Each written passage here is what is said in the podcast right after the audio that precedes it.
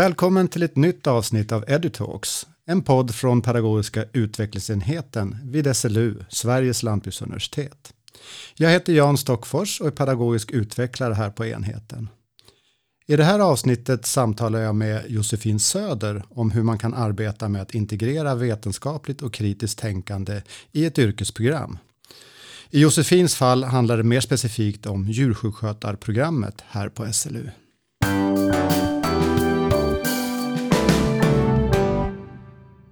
Så, välkommen till EduTalks Josefin. Tack, roligt att vara här. Ja, och det är väldigt kul att ha dig här. Eh, vi ska ju prata om vetenskaplighet och kritiskt tänkande i en yrkesutbildning som i ditt fall är djursjukskötarprogrammet. Eh, och det här tycker jag är väldigt spännande, just det här med kritiskt tänkande, vetenskaplighet och sånt här som är lite mer teoretiskt och hur det kommer in i praktiska yrkesutbildningar och kanske yrkesutövning också. Men innan vi börjar så kanske de som lyssnar vill veta, vem är Josefin Söder? Ja, eh, ja, jag är veterinär i botten och är utbildad här vid SLU. Och jag har arbetat med undervisning och forskning sedan 2012. Eh, jag är disputerad inom ämnesomsättning vid övervikt hos hund och det här skedde 2018 och sedan dess har jag arbetat som universitetsadjunkt och forskare vid kliniska vetenskaper, djuromvårdnad. Så där är där jag är idag. Jag har ett ganska stort pedagogiskt eh, intresse och jag arbetar företrädesvis med undervisning kopplat till vetenskaplighet då vid eh, djursjukskötarprogrammet. Jag undervisar inom alla tre årskurserna och jag bedriver också forskning inom djuromvårdnad. Och sen då så är jag också kursledare för djursjukskötarens självständiga arbete som de skriver då sist eh, i sin utbildning och som är då ett examensarbete på kandidatnivå. Mm. Ja, det här ska bli spännande för just tycker jag det här med kritiskt tänkande är något vi behöver mer i samhället och det är något som kommer in mer än man tror kanske till vardags i ganska konkreta eh, yrken också som jobbar mycket praktiskt. Ja, jag kan bara instämma och för oss då som arbetar på djursjukskötarprogrammet för, för oss är det väldigt viktigt att studenterna utvecklar sitt kritiska tänkande och att de får en väldigt tydlig vetenskaplig grund när de är hos oss de här tre åren och eh, ja, det här är ju väldigt, väldigt intressant tycker jag att jobba med de här frågorna och stoppa in dem i, i utbildningen och hur de också funkar i en sån här praktisk utbildning som, som du är inne på. Mm, ja, det förstår jag. Eh, eh, men om vi ska börja då, som sagt jag tycker det är spännande den här kopplingen till det praktiska. Eh, vad innebär till exempel kritiskt tänkande i en eh, praktiserande djursjukskötares vardag? Eh, ja, om vi börjar lite med vad, vad en djursjukskötare är och vad en djursjukskötare eh, gör. Så utbildningen till djursjukskötare den är, den är tre år lång och den ligger det här på, på SLU och den leder till en kandidatexamen inom just djuromvårdnad. Och yrkestiteln blir alltså djursjukskötare, vilket är ett legitimationsyrke och det är en ganska viktig detalj. Men i en djursjukskötares vardag då så, så jobbar de allra flesta kliniskt, det vill säga de är djurhälsopersonal eh, inom då djurens hälsa och sjukvård och då jobbar du med olika djur som patienter och du har också väldigt mycket djurägarkontakt. Det är mm. liksom kontexten. Mm. Och det här att jobba kliniskt, för oss som inte är vård. ja, jo, jo, men det innebär att, att du jobbar med patienter på ett djursjukhus eller på en klinik. Yeah. Och du har liksom uppgifter relaterat till praktiska saker inom, inom djursjukvården. Det är väl Just det. den närmsta yeah. beskrivningen. Mm. Eh, kritiskt tänkande kommer in här och sen det här med, vi har det här med vetenskaplighet också. Hur kommer det vetenskapliga tänkandet in i en djursjukskötares praktiska arbete? Ja, om jag kan prata lite mer om det här med legitimationsyrket tänker jag så får vi en, får vi en ingång till båda de här begreppen. Mm. Och att ha ett legitimationsyrke det innebär att man i sin yrkesroll och eh, ska ha både kunskap och kompetens att arbeta självständigt, det är ett sådant ord. Man ska ha kvalificerade arbetsuppgifter och man ska ha ansvar för patientsäkerhet.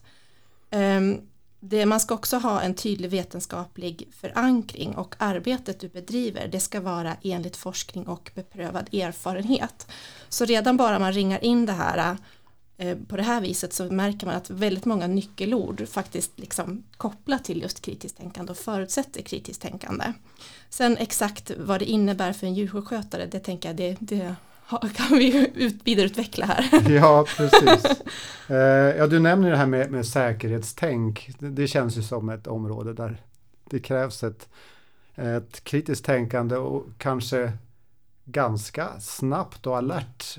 Alltså man sitter inte och analyserar kanske en text utan man, säkerhetstänk måste väl finnas Ja, ja, jag tänker att det är både och. Det är både där och då men det är också förmåga att se större perspektiv och koppla det praktiska mm. till forskningen, liksom hur det verkligen hänger ihop. Mm, mm. Um, en djursjukskötares huvudansvar är ju djuromvårdnad som har flera olika fokusområden inom sig. Uh, men sen själva omvårdnadsprocessen kan man dela in i till exempel bedömning, diagnos, planering, utförande, utvärdering. Och alla de här då delarna kan ju appliceras då på alla de olika fokusområdena. Och arbetsuppgifterna för en djursjukskötare de kan variera väldigt mycket. Det kan vara allt från att du ger mycket råd till djurägare till exempel eller att du arbetar med omvårdnadsplanering, arbete på operation eller på, på en vårdavdelning du kan jobba med vårdhygienarbete och så vidare. Men oavsett då vilket område eller vilken arbetsuppgift du har så, så kritiskt tänkande kommer liksom in i varje del av omvårdnadsprocessen i och med att den innehåller de här delarna bedömning, diagnos, planering, utförande och utvärdering. Mm. Ja, det jag tänker när du säger det här kommunikation med djurägare till exempel, Där, där måste det komma in en del kritiskt tänkande och självkritiskt tänkande. Liksom, hur får jag verkligen fram till just den här djurägaren, ja. det den behöver. Ja, verkligen. Och vi har ju kurser som tränar specifikt också kommunikation och djurägarkommunikation och hur man kan få fram det man verkligen vill och också kan motivera djurägarna till att följa ens råd. Mm. Så det är en bit i sig och som är faktiskt ganska stor och som många studenter ibland får en aha-upplevelse kring när de kommer till oss att jaha, ska jag också jobba så mycket med människor? Det hade jag inte riktigt tänkt. Nej, och, och, det låter som en viktig del och det är ju lätt för oss att tro att det andra hör är det vi säger. Verkligen.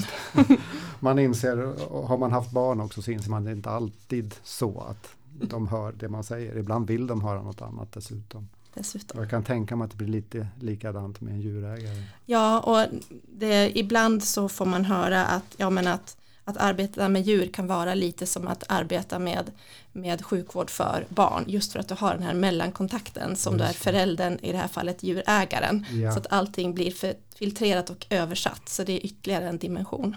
Ja. Och då kan vi förtydliga, vi menar inte att föräldrar är djurägare utan men det finns paralleller. Ja, exakt. eh, ja, och nu kommer vi prata om eh, kritiskt tänkande och vetenskaplighet. Men hur gör du skillnad mellan de här begreppen? Vi har ju hört redan nu att de är ju sammankopplade. Men vad, för dig, vad är skillnaden mellan vetenskapligt och kritiskt tänkande? Ja, det, det första jag tänker där är att beroende på till vem du ställer den här frågan så kanske du kan få ganska olika svar. Mm. Eh, för begreppen kan uppfattas som kanske lite abstrakta och beroende på vilket ämnesområde du tillhör så kanske du kanske kopplar ihop dem på olika sätt. Um, men jag, jag brukar tänka på hur jag egentligen vill definiera kritiskt tänkande och det finns en kort version från The Delphi Report som jag, som jag gillar mm. och den lyder så här uh, The process of purposeful self-regulatory judgment an interactive reflective and reasoning process så egentligen då kort sagt att någonting som far efter ett meningsfullt självreglerande omdöme som är en interaktiv, reflekterande och resonerande process. Och på något sätt så, så ringar det här in för mig vad liksom kritiskt tänkande utgår ifrån. Att det liksom innefattar väldigt många olika saker, att det hänger samman med mig som person och mina förmågor mm, och att det är saker som jag kan arbeta med och utmana och det tycker jag är tilltalande.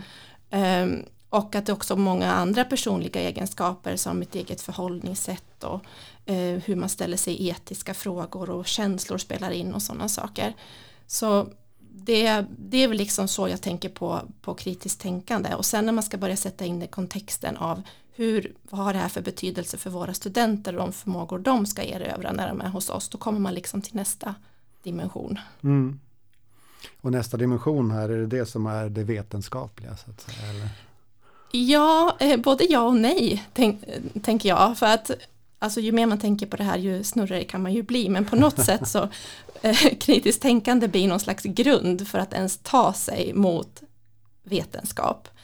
Eh, men hur man än vänder och vrider på det, så för att kunna vara kritiskt tänkande inom ett område så måste du ändå ha ganska mycket, kanske både basal och mer eh, djup kunskap, både Mm. forskningsrelaterad och ämnesrelaterad för att kunna vara kritiskt tänkande inom det området. Just. Så på något sätt så blir det liksom en cirkel som, som föder sig själv lite grann.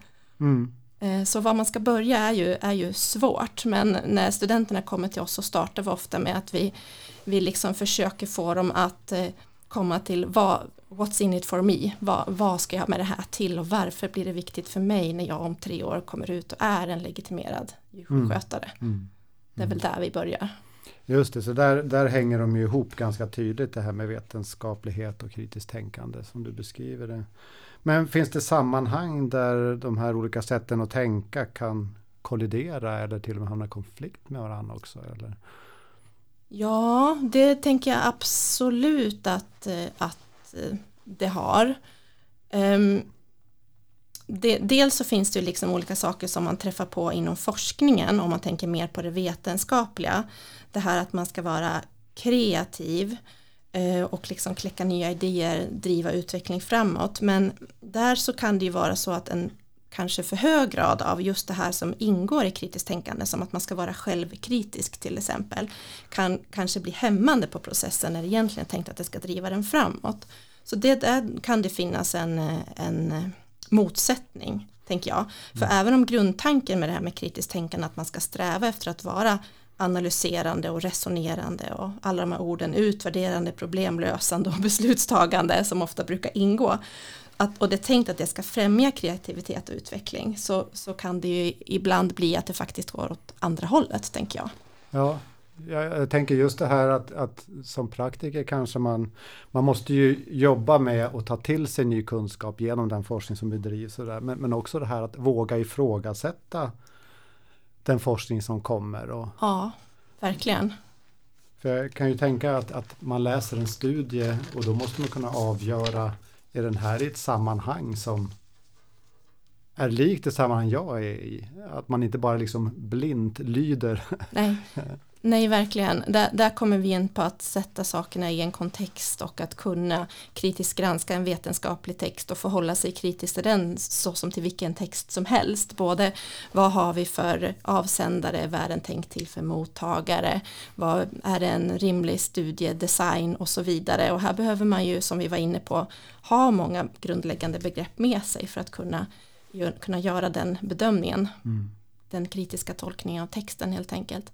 Men det du var inne på där med eh, korta och långa perspektiv och patientsäkerhet som du pratade om tidigare så tänker jag att den här eh, kritiska självbevarelsedriften om, om den blir för stark så att jag i en vårdsituation inte vågar säga stopp, har vi glömt något nu? Mm. Om det till exempel finns inbyggda hierarkier på en arbetsplats Just eller i ett det. forskarteam Mm. för den delen så är det ju någonting som kan påverka både utveckling framåt och patientsäkerhet. Så att jag tänker att det är viktigt att eh, alla vågar, vågar säga till. Och både för att man inte ska missa saker men också för att man ska våga kläcka nya idéer.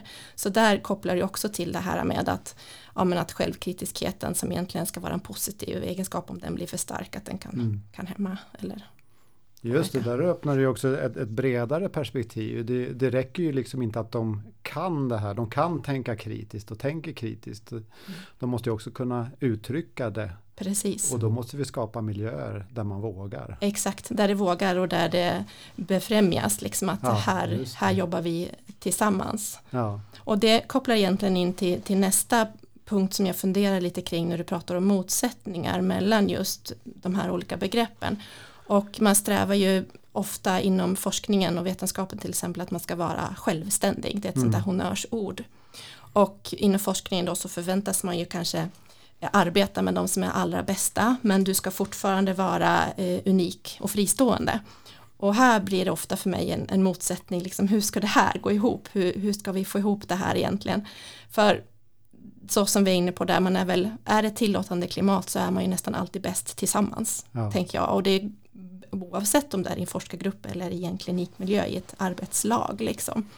Så det, och jag tänker också på det här med kritiskt tänkande att gör man det i grupp så blir man också ofta ännu bättre. Det är i alla fall min erfarenhet när man är i välfungerande grupper. Ja, det tror jag absolut. Ibland kan man ju förväxla självständighet med att vara ensam och isolerad. Exakt. Eh, men egentligen självständighet kan man ju egentligen bara vara i relation till andra. Så att man behöver gruppen eh, för att ha någonting att vara självständig i relation till. Så att ja, det är ju precis. tillsammans vi kan vara självständiga så att säga.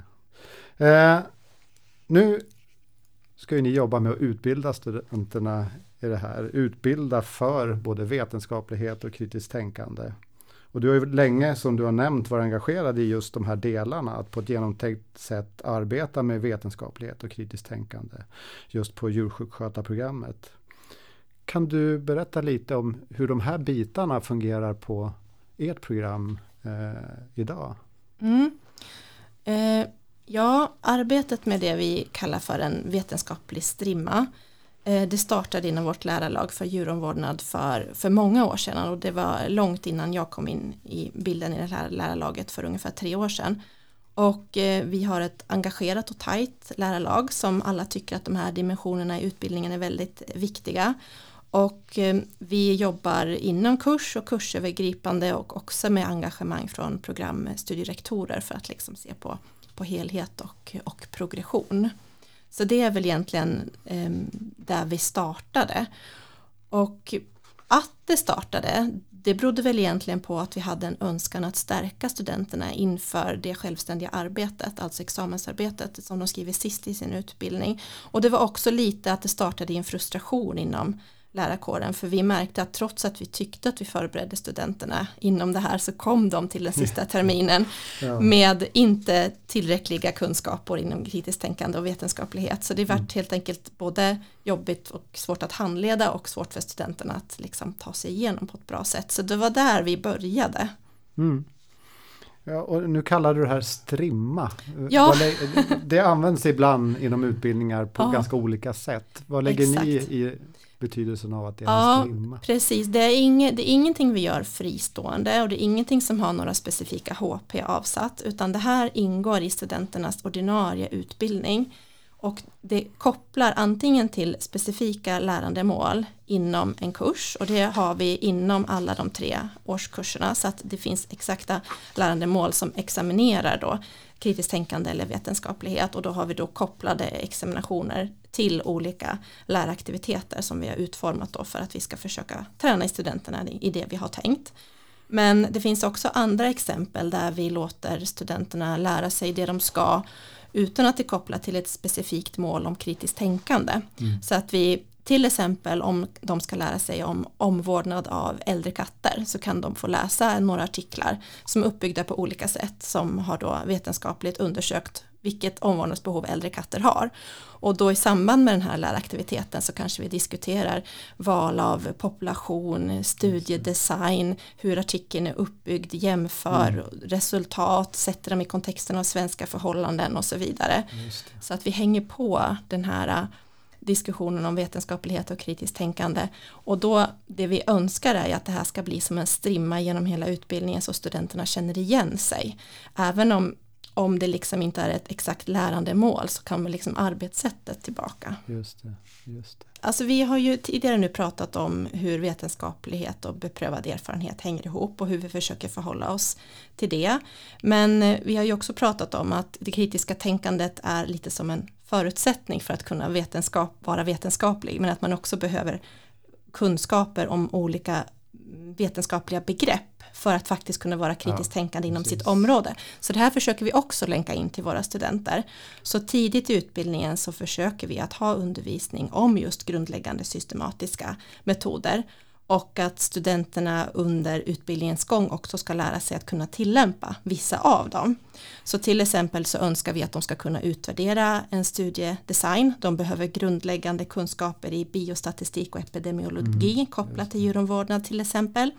Och eh, vi har ju också pratat om att vi tränar dem i att skriva vetenskapligt och att referera. Men man behöver ju också veta till exempel vad är peer review och hur går det till och varför mm. är det viktigt. Det. Och eh, det här med målgrupp och vem, vem är källan till primärkällor och sekundärkällor. Alla sådana saker pratar vi också mm. om för att man ska ha mm. hjälp när man sen ska kunna kritiskt granska. Precis. Dessutom så vill man kanske ha lite, lite vidare eh, kunskap eh, kring det här. Till exempel om du tittar på en studiedesign så behöver du kunna veta finns det en kontrollgrupp, varför finns mm, det en mm, kontrollgrupp mm, mm. och vi var också inne på att djurägaren kunde vara en, en hjälpande eller försvårande faktor eftersom det är som en mellanhand ja, mellan dig och din patient. Yeah. Och där behöver studenterna också veta att placeboeffekten då, gäller den för hundar och katter och våra husdjur? Och hur funkar det med en placeboeffekt som också kan appliceras på en djurägare?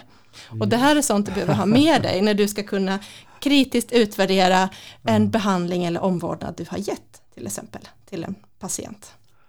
Ja. Så det, det, är ett komplext område. Ja, det låter spännande. Jag har inte tänkt på placebo för djurägare. Nej, men det finns men, definitivt. Spännande. Ja. Men den här strimman då, har den, ska jag säga, gjorde ni en rejäl insats och byggde en strimma eller har den fått växa fram och mer eller mindre organiskt? Den har nog växt fram. Um, startades upp liksom med en andemening att få studenterna bättre förberedda. Mm. Men sen så har vi ju haft utvecklingsarbete genom åren som vi direkt har initierat i lärarlaget. Så vi till exempel har haft eh, arbetsmöten där vi jobbat tillsammans hela, hela gruppen och sett att vi, i vilken kurs kan vi göra vad och på vilket sätt för mm. att det mm. ska bli ett bra sammanhang och god progression. Eh, men det är också väldigt vanligt att vi jobbar inom kurs, alltså kursledare och kursexaminator och utvecklar eller tar fram eh, eller förfinar liksom läraktiviteter. Mm.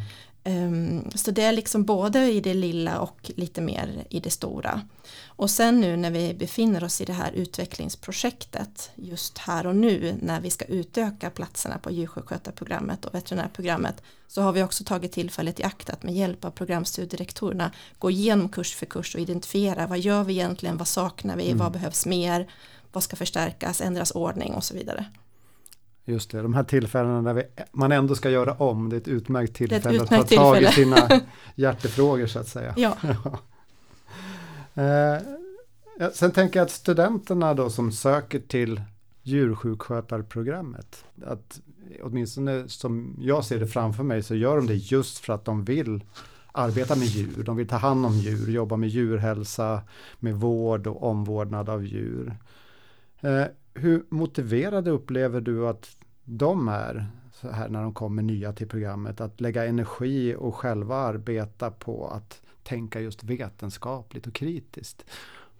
Ja, um, som jag var inne på tidigare så det vi gör i den första kursen det är att vi försöker väcka intresset och vi gör det med ganska enkla medel. Det är grundläggande föreläsningar i kritiskt tänkande och vetenskaplighet för att få med alla på tåget. Mm. För vi har en ganska divergent studentgrupp. De kommer både från samhällsvetenskaplig och naturvetenskaplig bakgrund, olika åldrar, olika yrkeserfarenhet. Och det här är ju väldigt berikande men det kan ju också göra som du är inne på att många har olika uppfattningar och ja. olika ingång i det här. Så där, lägger, där har vi faktiskt ett specifikt lärandemål som vi både jobbar ut efter och examinerar ut efter i den första kursen för mm, att få alla på spåret. Um, men till exempel då en läraktivitet som vi har i den här inledande kursen det är att studenterna i små grupper får berätta om en upplevd omvårdnadssituation av ett eget mm. eller någon annans djur så att det blir en direkt verklighetskoppling. Och därefter så får studenterna tillsammans diskutera och enligt eh, frågor som vi har ställt upp träna på perspektivbyten, nyansering av olika beslut, de ska försöka identifiera framgångsfaktorer eller förbättringsmöjligheter i den här situationen Och därefter mm. så får de göra en, en enskild inlämning där de försöker också då att i skrift få fram det här kritiska tänkandet i den här uppgiften. Just det, så där kopplar ni till det som, som förmodligen är deras stora intresse. Exakt, vi hänger på kritiskt tänkande direkt till det de faktiskt har sökt för att få ja. arbeta med djur. Och ja, det, ofta så brukar studenterna få lite aha-upplevelser av den här uppgiften, till exempel som lite det var inne på förut, jaha, är kommunikationsbiten, är den så viktig? Ja, jag trodde jag bara skulle jobba med djur, men anledningen till att jag gick dåligt här och här var ju det brast i den och den kontakten och så vidare. Um, Många kan också uppleva det som att det är ganska befriande att få kliva ut ur en självupplevd situation och se den utifrån. Mm. Det här med nyansering som, som de får träna på och perspektivbyten. Just det. Ja, och när de kommer in med de här olika eh, tankarna och perspektiven, har du någon bild av vad de tror att vetenskaplighet och kritiskt tänkande är när de kommer till programmet? Du säger att de blir överraskade av det här med kommunikation. Mm. Vad är det de ser? Har du någon, någon ja. bild av det? Jag önskar att jag hade något bra svar på den frågan men det har jag inte riktigt. Eh, däremot så när du ställer den så får jag tanken att man skulle kunna lägga in den lite i den här första läraktiviteten för att faktiskt fånga upp vad har vi studenterna när vi börjar egentligen. Ja. Vi vet vad vi lär dem men vi vet inte riktigt vad de, vad de tänker om detta. Eh, de här begreppen när de väl kommer in på utbildningen. Men eh, men vår önskan är ju att de vart efter utvecklar sitt kritiska tänkande och liksom får den här tydliga vetenskapliga grunden och kan liksom koppla ihop det, det de gör sen i sin kliniska utövning, att när de jobbar praktiskt med patienter på kliniken kan koppla ihop det med hur vetenskap genereras och varför vi gör som vi gör och ja, hela den biten som, som kanske kan vara troligen tänker de kanske inte jättemycket på det när de går in i början i Nej, utbildningen. Just det. Men vad ser du som de stora förändringarna i studenternas vetenskaplighet och syn på kritiskt tänkande när de går igenom programmet? Ja, Alltså det vi önskar att, att de ska uppnå det är ju den här liksom för, fördjupade förståelsen för det här vetenskapligt genererad fakta och att de liksom inte ska ha ett problem att överbrygga det här glappet som ibland finns mm. när de kommer ut. För det är ju så att djuromvårdnadsforskningen den är inte alltid liksom så utbredd på alla områden än för det här eh, området djuromvårdnad är fortfarande ganska ungt. Mm. Så det lutar sig fortfarande relativt mycket på veterinärmedicin och humanmedicin. Och det gör ju att vi hamnar i lägen ibland där vi mer får luta oss på det vi pratade om beprövad erfarenhet, mm. kanske mer än den vetenskapliga grunden ibland, för att den vetenskapliga grunden ännu inte riktigt är helt befäst på alla mm. områden. Sen vissa områden är det, men andra områden mindre. Och där tror jag att det kan vara svårt, för det här med beprövad erfarenhet tycker jag själv är ett krångligt begrepp. Vad betyder det? Är det liksom Ja, det är ett krångligt begrepp men samtidigt fångar det ju någonting viktigt som ja, finns där. exakt, det Någon finns som där. är väldigt erfarenhet, erfaren på något område har ju mycket med sig. Såklart, men är det en persons samlade erfarenhet? Är det en kliniks samlade erfarenhet? Just är det en rutin som alla gör? Ja men kanske inte, den kanske inte är utvärderad än. Um, eller eller vad, är det, vad är det egentligen vi far efter? Ja. Det kan ju vara att det finns jättebra data i ett journalregister och vi mm. vet när vi tittar här att här, den här omvårdnaden fungerar och den här fungerar inte men det är ingen som har utvärderat det här registret vetenskapligt än. Nej, precis. Det kan vara sådana saker. Och att sätta fingret på det kan ju vara, vara svårt men å andra sidan så om studenterna liksom kommer så pass långt i sina tankegångar att de identifierar en vetenskaplig frågeställning som skulle kunna svara på en sån här fråga eller utvärdera beprövad erfarenhet på ett vetenskapligt sätt. Det, behöver inte vara särskilt svårt alla gånger. Det kan vara ganska enkla frågeställningar och ganska enkla utvärderingar man kan göra för att faktiskt kunna säga att nej men det här har en vetenskaplig evidens då, då får man ju liksom som lärare en, en liten, vad ska man, skjuts. Att ja, ja okej, okay, vi, vi har fått ihop det liksom. Ja. Men eh, det är ju inte, det är inte alltid vi kommer dit liksom. Men om studenterna kan problematisera sådana här saker eller identifiera vetenskapliga frågeställningar eller liksom resonera kring olika typer av evidens och förklaringsmodeller oavsett om det liksom är beprövad erfarenhet eller om det har kommit till att det finns olika grader av vetenskaplig evidens då, Mm. då har vi ju kommit dit vi vill, Just det. tänker jag. Så det gäller ju att utnyttja både och. Det gäller att utnyttja både och och sen så dels så har vi studenterna när de är här hos oss. Mm. De, eh, de eh, är ju då på universitetet och går den här universitetsutbildningen. Vi tränar en massa olika saker, de går en massa olika kurser men sen går de ju också ut på verksamhetsförlagd utbildning så att de går ut på kliniker runt om i hela landet och har den här eh, VFUn som vi kallar det. Det. Och där kommer de ju direkt i kontakt med vården och omvårdnaden som bedrivs i Mm, Sverige. mm.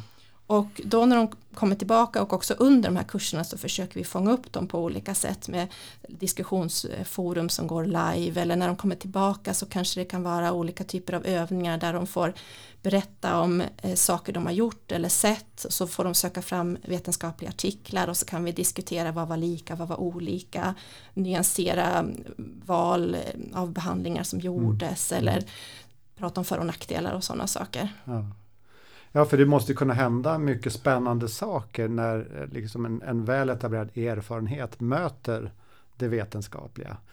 Där man liksom både som, om man kommer från forskarsidan eller från praktikersidan har mycket att lära av varandras perspektiv på något sätt. Ja, verkligen. Och sen är det också så att som djursjukskötare så kanske behöver du inte bara jobba kliniskt. Du kan ju också arbeta med undervisning eller med utvecklingsarbete eller med forskning. Mm. Och vi jobbar ju hårt för att få ett masterprogram här på SLU så att djursjukskötare som har gjort kandidatexamen kan gå vidare till en masterexamen för att sen bli behöriga till forskarutbildningar. Så att vi kan få många, många fler djursjukskötare som själva kan vara med och beforska sitt ämnesområde. Mm. Det är ju någonting vi verkligen önskar. Eh, Men oavsett om du har en forskarutbildning eller inte så, så kan du ju vara med och bedriva forskning på, på en klinik och det behöver inte vara SLU, det bedrivs forskning överallt i Sverige i olika omfattning och att då liksom ha förståelse för det här både kritiska tänkande och vetenskapligheten och hur den här implementeras då i en kliniksituation. För viss forskning går ju att göra direkt på patienter, det vi har ju etiska nämnder som bedömer Mm, sådana saker, mm, mm. både för djur och för människor, vilken forskning man kan göra i kliniken och inte så att säga. Så här kan man ju direkt län- länka ihop både beprövad erfarenhet och, Mm. och vetenskap. Mm. Nu har du liksom gett många exempel på hur ni jobbar med det här med studenterna och, och lite grann hur ni har tänkt genom programmet. Men kan du försöka knyta ihop lite grann hur ni gör för att skapa den här röda tråden genom programmet så att det blir en progression i, i vetenskaplighet och kritiskt tänkande. Ja, hur vi jobbar med progressionen då. Eh, alltså, så dels så jobbar vi ju inom kurs som jag var inne på och dels kursövergripande och dels med hela lärarlag och mot programstudierektorer. Mm. men sen så jobbar vi liksom med att gradvis introducera vissa saker. Så till exempel då om vi pratar om refereringsteknik så kanske de får en väldigt enkel introducerande uppgift i en kurs och sen så får de prova på mer praktiskt i nästa och sen så höjer vi kraven i en tredje. Ehm, men man kan ju också se det som att man kanske inte behöver vara så rädd för upprepning alla gånger.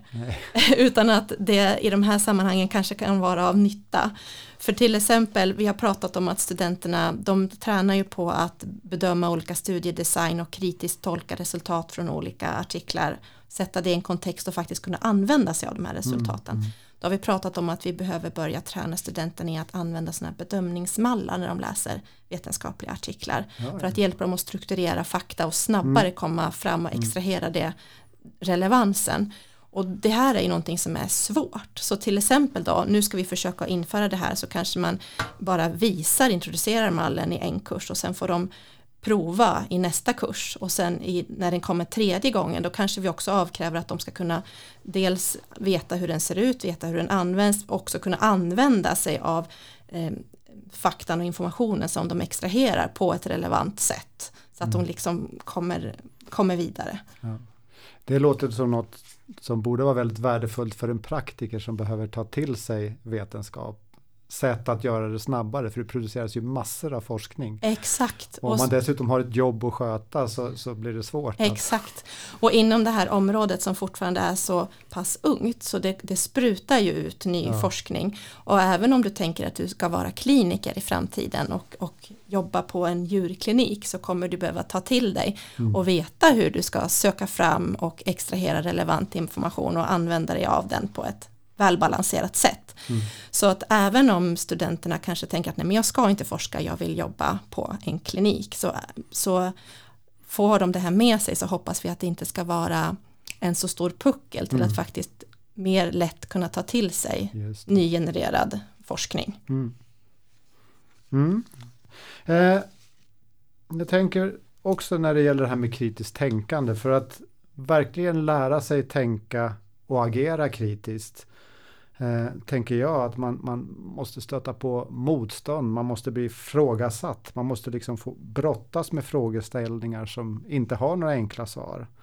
Eh, men där det kan finnas starka åsikter eller känslor inblandade. Eh, på vilket sätt skulle du säga att ni ställer studenterna inför utmaningar där de måste vässa sin kritiska och sina självkritiska förmågor mm. på olika sätt? Det första jag tänker när du ställer den här frågan det är nog att vi borde utmana våra studenter ännu mer än vad vi gör. För att komma ut i arbetslivet det kan nog ibland vara lite av en ja, större utmaning än vad de har här i, i universitetsmiljön. Mm, mm, mm. Så att verkligen jobba med uppgifter som är verklighetstrogna eller som anknyter till svåra begrepp, alltså till exempel hållbarhet har vi en uppgift som handlar om, mm. där det väldigt sällan finns raka och enkla svar och frågar du olika personer så kommer du ha olika åsikter mm. i en och samma fråga. Så till exempel så har vi en lärare som har utvecklat en uppgift som just kopplat till hållbarhet som handlar om en produktgranskning. Så där ska studenterna själva komma med en frågeställning. Det här är inom en vårdhygienkurs och sen så till exempel så kanske de jämför olika desinfektionsmedel eller de kanske tittar på skyddsutrustning som kan vara för engångs eller flergångsbruk. Och sen så ska de alltså då själva söka fram vetenskapliga artiklar för att kunna diskutera och sätta det här i en kontext som passar svenska förhållanden. Mm. Och då har vi också gjort så att just här så får de faktiskt redovisa den här uppgiften som en vetenskaplig poster mm. och stå och prata till den yes. också. Och tanken är ju då att eftersom vi rör oss kring de här just hållbarhetsbegreppen så blir det en ganska nyanserad diskussion som kan vara väldigt, väldigt svår men också väldigt nyttig. Ja, det kan jag tänka mig att det blir. Mm. Eh, sen, nu vet ju jag att, att du håller på att jobba på och, och planerar ett, ett nytt avslutande undervisningsmoment inom den här strimman eh, om kritiskt tänkande. Eh, ett moment som du bland annat har haft uppe på våran EduChat session som vi har varannan fredag. Eh, och det innehåller bland annat en spännande övning där studenterna får reflektera över sina erhållna förmågor till kritiskt tänkande och sina behov av att fortsätta utvecklas eh, som kritiska tänkare. Kan du berätta lite om hur du har lagt upp det här momentet och vad hoppas du att studenterna kommer få ut av det här nya som du vill införa? Ja, eh, målet med det här är då nya avslutande undervisningsmomentet. Det är att vi önskar uppnå någon typ av självreflektion men mm. också metaperspektiv och precis som du sa tankar om framtiden. Hur, hur ska jag fortsätta jobba med kritiskt tänkande och vetenskaplighet i min framtida yrkesutövning. Mm. Och eh, idén till den här nya läraktiviteten den föddes med att vi har ett lärandemål i den här avslutande kursen i det självständiga arbetet som vi upplever är ganska svårt att examinera i text. Och det handlar om att djursjukskötaren ska identifiera sitt eget eller djursjukskötarkårens utvecklingsbehov av generella kompetenser då, inklusive kritiskt tänkande mm, mm. inom området för sitt, för sitt arbete. Och det var liksom här vi tog avstamp och bara tänka okej okay, men det här det funkar i text i vissa eh, examensarbeten, det funkar inte alls i andra, hur kan vi examinera det här och samtidigt komma lite längre så att man liksom kan nå någon typ av självreflektion och metaperspektiv samtidigt. Mm, det var där mm. vi startade. Just det.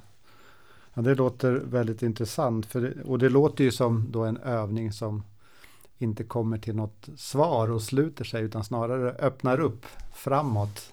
Ja, om den funkar som den ska så är väl tanken lite så. Um, men frågeställningen är väl egentligen då att vi önskar undersöka hur studenterna på det här djursjukskötarprogrammet anser själva då, att ja. de har utvecklat sitt kritiska tänkande under programmet och hur de ser på sin fortsatta utveckling i förhållande då till sin yrkesprofession.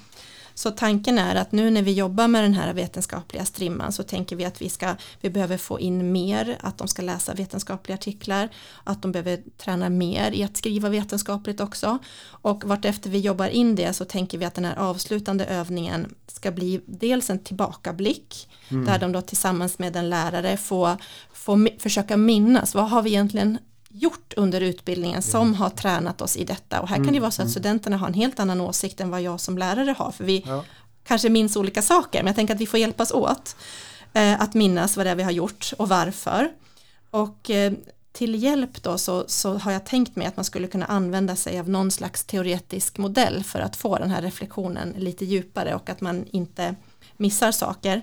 Um, så där har jag tagit lite inspiration av två författare som håller på med kritiskt tänkande och hur det kan implementeras i undervisning och försökt titta liksom på individen, det inre fokuset och liksom ett annat fokus som är mer sociokulturellt fokus, ett yttre fokus yeah. och var då djursjukskötare befinner sig egentligen. Mm. Och det, alltså när, de, när du har den här praktiska eh, utbildningen så behöver alltså våra studenter att de behöver sträcka sig över hela spannet. Mm. De behöver kunna jobba med kritiskt tänkande som individ, de behöver komma till det här som ibland kallas för kritikalitet, att du verkligen tänker på hur dina handlingar och allt du gör påverkar andra. Mm. Och så behöver de ha väldigt stora kommunikativa förmågor när de ska samarbeta i team och kommunicera med djurägare och många andra yrkesgrupper. Mm, mm. För djurskötare är ofta liksom ett nav i ett vårdteam kan man säga. Så det är mycket snurrar runt en djurskötare. Så jag tänker att vi, att vi ska ha någon typ av teoretisk modell där vi liksom har lagt in många olika begrepp som rör kritiskt tänkande och vetenskaplighet. Och när vi minns tillbaka vilka läraktiviteter vi har gjort under utbildningen försöker placera in dem i den här modellen mm. för att liksom helt enkelt komma längre tillsammans. Och sen tänker jag också att studenterna ska få göra en individuell reflektion som kommer direkt efter det här. Yeah. Där de får liksom mera fritt prata tillsammans och få lite hjälp med frågeställningar. Så liksom, kan du tänka dig en situation när du använder dig av kritiskt tänkande? Vad behöver du träna på mer? Mm. Om du tänker dig att du ska vara på en arbetsplats och blir ombedd att göra ett typ av utvecklingsarbete, hur tacklar du det? Yeah. Och, och att de liksom får både tänka bakåt och titta på sig själva, vad kan jag, vad står jag idag och börja yeah. titta framåt. Ja, jättespännande. Det låter som att de här, den här övningen skulle kunna bli väldigt bra återkoppling till er lärare också. Ja, jag tänker att den liksom borde kunna runda av och många lärdomar härifrån kan man sedan hjälpa mm. till att stoppa in och utveckla den här vetenskapliga strimman mm. ytterligare. Mm. Mm. För det är precis som du säger, det här, vi gör väldigt mycket men vi måste ju också fånga upp det. Det vi ser ju hur de klarar sitt självständiga arbete. Det är ju ett kvitto. Men hur har de då upplevt processen och vad yeah. tycker de själva att de står? Det är saker vi inte riktigt vet om alla gånger. Nej, just det. Ja men vad bra. Jättekul. Eh, vi har hållit på ganska länge nu. ja. eh, så vi kanske ska ta och runda av. Eh, och då får jag säga stort tack för att du tog dig tid att vara med i EduTalks. Eh, det här var jättespännande och lärorikt för mig. Så tack ska du ha. Tack själv, jätteroligt att vara här och eh, ja, det går ju att prata jättelänge om det här så det var superroligt.